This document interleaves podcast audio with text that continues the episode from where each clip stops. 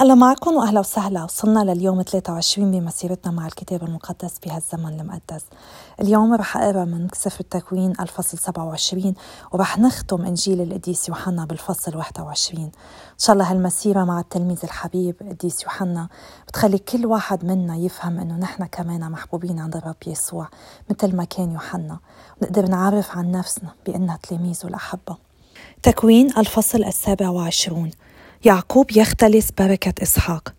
وحدث لما شاخ إسحاق وكلت عيناه عن النظر أنه دعا عيسو ابنه الأكبر وقال له يا بني قال ها أنا ذا. فقال ها أنا ذا قد شخت ولا أعلم يوم موتي والآن خذ عدتك وجعبتك وقوسك واخرج إلى الحقل وصد لي صيدا وأعدد لي ألوانا طيبة كما أحب وأتني به فآكل لكي تباركك نفسي قبل أن أموت. وكانت رفقة سامعة حين كلم إسحاق عيسو ابنه فمضى عيسو إلى الحقل ليصيد صيدا ويأتي به فكلمت رفقة يعقوب ابنها قائلة إني قد سمعت أباك يكلم عيسو أخاك قائلا ائتني بصيد وأعدد لي ألوانا طيبة فآكل منها وأباركك أمام الرب قبل موتي. والآن يا بني اسمع لقولي فيما آمرك به. امضي إلى الغنم وخذ لي من هناك جديين من المعز جيدين فأعدهما ألوانا طيبة لأبيك كما يحب. فتأتي بها أباك ويأكل لكي يباركك قبل موته. فقال يعقوب لرفقة أمه عيس أخي رجل أشعر وأنا رجل أملس فلعل أبي يجسني فأكون في عينيه كالساخر منه وأجلب على نفسي لعنة لا بركة. قالت له أمه علي لعنتك يا بني إنما اسمع لقولي وامضي وخذ لي ذلك. فمضى وأخذ ذلك وأتى به أمه فأعدته أمه ألوانا طيبة على ما يحب أبوه. وأخذت رفقة ثياب عيسو ابنها الأكبر الفاخرة التي عندها في البيت فألبستها يعقوب ابنها الأصغر وكست يديه وملاست عنقه بجلد المعز وأعطت يعقوب ابنها ما صنعته من الألوان الطيبة والخبز. فدخل على أبيه وقال يا ابت قال لبيك من أنت يا بني؟ فقال يعقوب لأبيه أنا عيس بكرك قد صنعت كما أمرتني. قم فاجلس وكل من صيدي لكي تباركني نفسك. فقال إسحاق لابنه ما أسرع ما أصبت يا بني؟ قال إن الرب إلهك قد يسر لي. فقال إسحاق ليعقوب تقدم حتى أجسك يا بني لأعلم هل أنت ابني عيسو أم لا. فتقدم يعقوب إلى إسحاق أبيه فجسه وقال الصوت صوت يعقوب ولكن اليدين يدا عيسو. ولم يعرفه لأن يديه كانتا مشعرتين كيدي عيسو أخيه فباركه وقال هل أنت ابني عيسو؟ قال أنا هو. فقال قدم لي حتى آكل من صيد ابني لكي تباركك نفسي.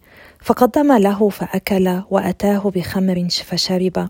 ثم قال له إسحاق ابوه تقدم قبلني يا بني. فتقدم وقبله فاشتم رائحة ثيابه وباركه وقال ها هي ذي رائحة ابني كرائحة حقل قد باركه الرب. يعطيك الله من ندى السماء ومن دسم الأرض ويكثب لك الحنطة والنبيذ وتخدمك الشعوب وتسجد لك الأمم. سيدا تكون لإخوتك ولك بنو أمك يسجدون. لاعنك ملعون ومباركك مبارك. فلما انتهى إسحاق من بركته ليعقوب وخرج يعقوب من أمام إسحاق أبيه إذا عيسو أخوه قد أقبل من صيده. فأعد هو أيضا ألوانا طيبة وأتى بها أباه وقال لأبيه ليقم أبي ويأكل من صيد ابنه لكي تباركني نفسك. فقال له إسحاق أبوه من أنت؟ قال أنا ابنك بكرك عيسو فارتعش إسحاق ارتعاشا شديدا جدا وقال فمن إذا ذاك الذي صاد صيدا فأتاني به؟ فقد أكلت من كله قبل أن تجيء وباركته. نعم مباركا يكون. فلما سمع عيسو كلام أبيه صرخ صرخة عظيمة ومرة جدا وقال لأبيه باركني أنا أيضا يا أبتي. فقال وقد جاء أخوك بمكر وأخذ بركتك. فقال ألأنه سمي يعقوب قد تعقبني مرتين. أخذ بكريتي وها هو ذا الآن أخذ بركتي. ثم قال أما أبقيت لي بركة؟ فأجاب إسحاق وقال لعيسو ها أنا قد جعلته سيدا لك ووهبت له جميع إخوته خدما وبالحنطة والنبيذ أمددته فماذا أصنع لك يا بني؟ فقال عيسو لأبيه أبركة واحدة لك يا أبتي؟ باركني أنا أيضا يا أبتي. وبقي إسحاق صامتا ورفع عيسو صوته وبكى فأجابه إسحاق أبوه وقال له بمعزل عن دسم الأرض يكون مسكنك وعن طل السماء الذي من علو. بسيفك تعيش وأخاك تخدم ويكون أنك إذا قويت تكسر نيره عن عنقك وحقد عيسو على يعقوب بسبب البركة التي باركها أبوه بها. وقال عيسو في قلبه قد قربت أيام حزن أبي فأقتل يعقوب أخي. فأخبرت رفقة بكلام عيسو ابنها الأكبر فبعثت واستدعت يعقوب ابنها الأصغر وقالت له هو ذا عيسو أخوك منتقم منك بالقتل. والآن يا بني اسمع لقولي. قم فاهرب إلى لابان أخي في حران وأقم عنده أياما قلائل حتى يتحول عنك غيظ أخيك. فإذا تحول غضب أخيك عنك ونسي ما فعلت به بعثت فأخذتك من هناك. فلماذا أصبح ثكل مرتين في يوم واحد؟ إسحاق يرسل يعقوب إلى لابان. وقالت رفقة لإسحاق لقد سئمت حياتي بسبب بنات حث. فإن تزوج يعقوب بامرأة من بنات حث مثل هؤلاء من بنات البلد فما لي والحياة. إنجيل القديس يوحنا الفصل الأخير الفصل الواحد وعشرون ملحق. يسوع يتراءى لتلاميذه على شاطئ بحيرة طبرية. وتراءى يسوع بعد إذن للتلاميذ مرة أخرى وكان ذلك على شاطئ بحيرة طبرية. وتراءى لهم على هذا النحو كان قد اجتمع سمعان بطرس وتوما الذي يقال له التوأم ونتنائيل وهو من قانا الجليل وأبناء زبدة وآخران من تلاميذه. فقال لهم سمعان بطرس أنا ذاهب للصيد. فقالوا له ونحن نذهب معك. فخرجوا وركبوا السفينة ولكنهم لم يصيبوا في تلك الليلة شيئا. فلما كان الفجر وقف يسوع على الشاطئ لكن التلاميذ لم يعرفوا أنه يسوع. فقال لهم أيها الفتيان أمعكم شيء من السمك؟ أجابوه لا. فقال لهم ألقوا الشبكة إلى يمين السفينة تجدوا فألقوها فإذا هم لا يقدرون على جاذبها لما فيها من سمك كثير. فقال التلميذ الذي أحبه يسوع لبطرس إنه الرب فلما سمع سمعان بطرس أنه الرب ائتزر بثوبه لأنه كان عريانا وألقى بنفسه في البحيرة. وأقبل التلاميذ الاخرون بالسفينة يجرون الشبكة بما فيها من السمك ولم يكونوا إلا على بعد نحو مائتي ذراع من البر. فلما نزلوا إلى البر أبصروا جمرا متقدا عليه سمك وخبزا. فقال لهم يسوع هاتوا من ذلك السمك الذي أصبتموه الآن. فصعد سمعان بطرس إلى السفينة وجذب الشبكة إلى البر. وقد امتلأت بمائة وثلاثين وخمسين سمكة من السمك الكبير ولم تتمزق الشبكة مع هذا العدد الكثير. فقال لهم يسوع تعالوا أفطروا. ولم يجرؤ أحد من التلاميذ أن يسأله من أنت لعلمهم أنه الرب فدنا يسوع فأخذ الخبز وناولهم وفعل مثل ذلك في السمك.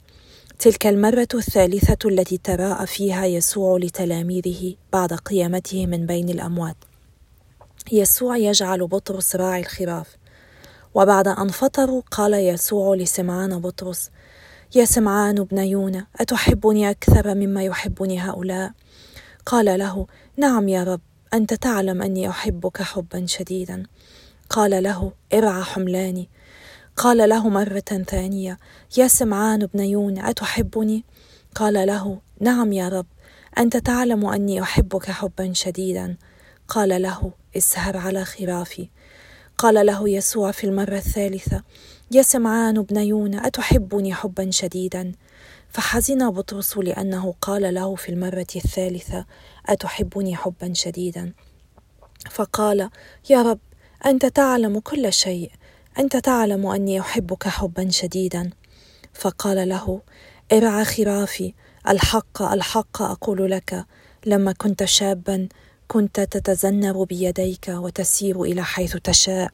فإذا شخت بسطت يديك وشد غيرك لك الزنار ومضى بك إلى حيث لا تشاء. قال ذلك مشيرا إلى الميتة التي سيمجد بها الله. ثم قال له اتبعني. يسوع والتلميذ الحبيب. فالتفت بطرس فراى التلميذ الذي أحبه يسوع يتبعهما. ذاك الذي مال على صدر يسوع في أثناء العشاء وقال له يا رب من الذي يسلمك؟ فلما رآه بطرس قال ليسوع يا رب وهذا ما شأنه؟ قال له يسوع لو شئت أن يبقى إلى أن آتي فما لك وذلك؟ أما أنت فاتبعني.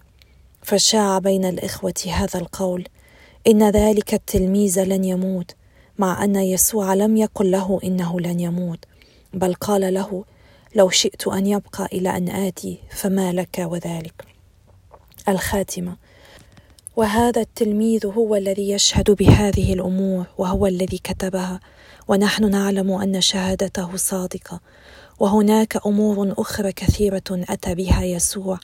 لو كتبت واحدا واحدا لحسبت أن الدنيا نفسها لا تسع الأسفار التي تدون فيها.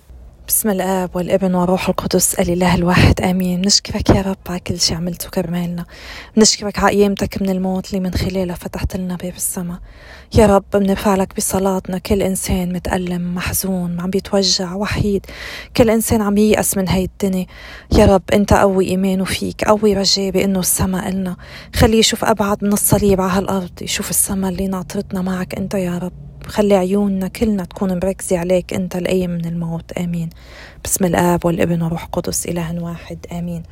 وصلنا بسفر التكوين اليوم للفصل 27 منشوف إسحاق هون عم بيتجهز ليبارك ابنه عيسو اللي هو ابنه الكبير. ومنشوف من مثل رفقة هالإنسان اللي بعده؟ ماشي بهالطريق مع ربنا وبده هو يتكفل بالأمور ويعمل كل شيء مثل ما بده. رفقة اللي رب وعدها هي وحبلي إنه رح يكون في أمتين بيطلعوا من أولادها والكبير رح يخدم الصغير. قررت هي إنها تعطي البركة لابنها يعقوب بالطريقة اللي هي بدها إياها. رسمت خطة خدعت من خلال ليلى جوزها إسحاق لحتى يبارك ابنه الصغير يعقوب بدل ابنه الكبير عيسو. بنشوف قديش نحن كمان أيام بحياتنا هيك بنعمل الأشياء الغلط لأنه ما بقى فينا نصبر وننطر توقيت ربنا. بدنا الأمور تصير وقت اللي نحن بدنا. مهما كانت غاياتنا منيحة ما لازم أبدا إن نسعى لنحققها بطريق غلط مثل ما عملت رافقة هون بطريق غش وخداع لجوزها. منشوف هون يعقوب كان فزعان إنه يعمل هالشي لينفضح بس بذات الوقت كان كتير مهتم بهالموضوع ومشي مع أمه ودفع الثمن بعدين رغم إنه حصل على البركة من بيو بس خداعه لبيو كلفه الكتير. بعد العواقب كانت ما عاد شاف أمه لأنه اضطر يترك المنطقة. كان خيو عيسو بده يقتله. خاله لابين هلأ بنشوف بعد كم يوم خدعه كمان مثل ما هو خدع خيو. بعد ما سرق بكورية خيو كمان سرق البركة من خيو. وهالمنازعات سببت خلاف للعيلة. وعيسو صار مؤسس لأمي آه، كانت عدوة لنسله لأجيال طويلة. ويعقوب النفى بعيد عن عيلته سنين طويلة قبل ما يرجع ويصير في صلحة بينه وبين عيسو. والمضحك المبكي مثل ما بيقولوا إنه يعقوب كان حينال حق البكورية والبركة بدون ما يعمل كل هاللي عمله بدون طريق الخداع لأنه ربنا وعد بهالشي بسفر التكوين الفصل 25 تصور قديش كانت حياته بتختلف لو هو وأمه تركوا ربنا هو يتمم الأمور بطريقته هو ووقته هو. قديش أيام نحن بنخرب الأمور أكثر لأنه مصير نحن بدنا نعملها نحن بدنا نسرع بالأمور. مهم كتير إنه على طول نراجع نحن شو عم نعمل نراجع نفسنا لما عم نعمل شي غلط. حتى لو هالشي بده يوجعنا بس يمكن هيدا حررنا من قبضة الخطية. يمكن نقدر نوقف هالشر من إنه يكمل. منشوف هون كمان إنه من بعد ما يعقوب سرق البركة وعرف بيو إسحاق وزعل ما قدر إسحاق يتراجع عن البركة. هالبركة مثل مثل الختانة عند اليهود مثل سر المعمودية عندنا نحن المسيحية. بندخل بعهد مع الرب وما بقى في تراجع عنه. من هيك يعقوب ما كان قادر بقى يتراجع عن هالبركة. وما بقى في بركة تانية عنده ليعطيها لابنه عيسو. من هيك قال له لعيسو بسيفك تعيش ولأخيك تكون عبدا. وهيدا الشيء خلى عيسو يحقد أكثر على خيه لعقوب لأنه حصل هو على بركة بيو هو طلع له أنه يخدم خيه وقرر أنه يقتل خيه. فقررت رفقة أنها تهرب ابنها لعند خيا لبان لحتى ما يقتل اياه بس نكمل القصة بالأيام اللي جاية بنشوف كيف الكذب بيولد لكذب أكتر والغلط بيولد غلط أكتر. ما وصلنا بعد لختام قصة يعقوب بس وصلنا لختام إنجيل القديس يوحنا بالفصل الواحد وعشرين اليوم. اللي البعض بيعتبر إنه هو نزيد بعدين بعض الأشخاص بيقولوا يمكن تلميذ من تلاميذ مار يوحنا زادوا والبعض بيقولوا إنه مار يوحنا. بس الشيء اللي معروف على الأكيد إنه هيدا الفصل نزاد قبل ما ينشر إنجيل القديس يوحنا. منشوف بهيدا الفصل اليوم الرب يسوع عم بيظهر لتلاميذ. أول شي مار بطرس قرر يروح يتصيد. يمكن بهيدي لحظة الضياع مار بطرس هيك بحس بالأمان يعمل شي تعود يعمله على طول. وراحوا معه الرسل. وهونيك بيجي الرب يسوع بيسألهم إذا في شي سمك. ما بيعرفوه دغري. بيقول لهم وين يكبوا الشبكة وبيصطادوا كتير سمك. هون التلميذ اللي كان بيحبوا يسوع بيعرف إنه الرب. منشوف كيف مار بطرس كب حاله بالبحر هو وعريان ليروح لعند الرب يسوع. بحب كتير هيدا المشهد اللي عم بيذكرني بقصة مشابهة. كتب عنا القديس لوقا بفصله الخامس لما الرب يسوع تلاقى بمار بطرس لأول مرة طلب منه يركب بمركبه وعلم وبعدين قال له تيروح ويكب الشبك. وقتها قال له مار بطرس سهرنا كل الليل وما طلعنا شيء بس لأنك طلبت رح نعمل. وبيصيد كتير سمك مار بطرس. ومن بعدها بيركع قدام الرب يسوع وبيقول له ابتعد عني يا رب أنا خاطئ. شوف اليوم عم بكب حاله لعنده. ثلاث سنين قطعت المشهد تغير. أول مرة كان بده يهرب منه عرف حاله إنه موجود مع شخص قدوس وهو ما بيستاهل يكون معه. اليوم ركض لعنده. هيك نحن لما بنتعرف على الرب يسوع عن جد لازم نتغير. ما فينا نضل نفس الأشخاص. إذا ما تغيرنا يعني عن جد إسا ما تعرفنا على الرب يسوع بعلاقة شخصية لأنه هو بغيرنا. بذكرني هالشي بمشهد من الموفي ريزن لما انسأل الجندي الروماني إذا بيصدق إنه الرب قام. قال لهم بعرف شغلة وحدة إني كنت شخص وصرت شخص تاني بعد ما بعد ما شاف كل هالأحداث. ونحن هيك لما بنتعرف على الرب يسوع بنختبره باختبار شخصي. فينا نحكي عن حالنا قبل ونحكي عن حالنا بعد وهالبعد بدها تكون استمرارية للحظة مماتنا استمرارية التغير والتحول لنصير مسيح آخر نبشر فيه ونوصله لكل الناس. من بعد هالصيد العجيب منشوف إنه الرب يسوع. حكي مع مار بطرس وثلاث مرات سأله أتحبني أكثر من هؤلاء؟ ومار بطرس كان عم بيجاوبه آه في كتير عالم بيقولوا إيه إنه قال ثلاث مرات لأنه نكروا ثلاث مرات بس في تفسير كتير حلو آه سمعته من كاهن هون بأمريكا.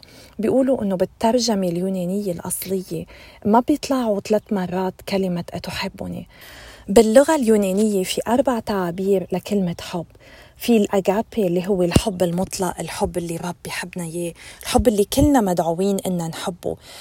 آه، حب بيخلينا نضحي كرمال غيرنا.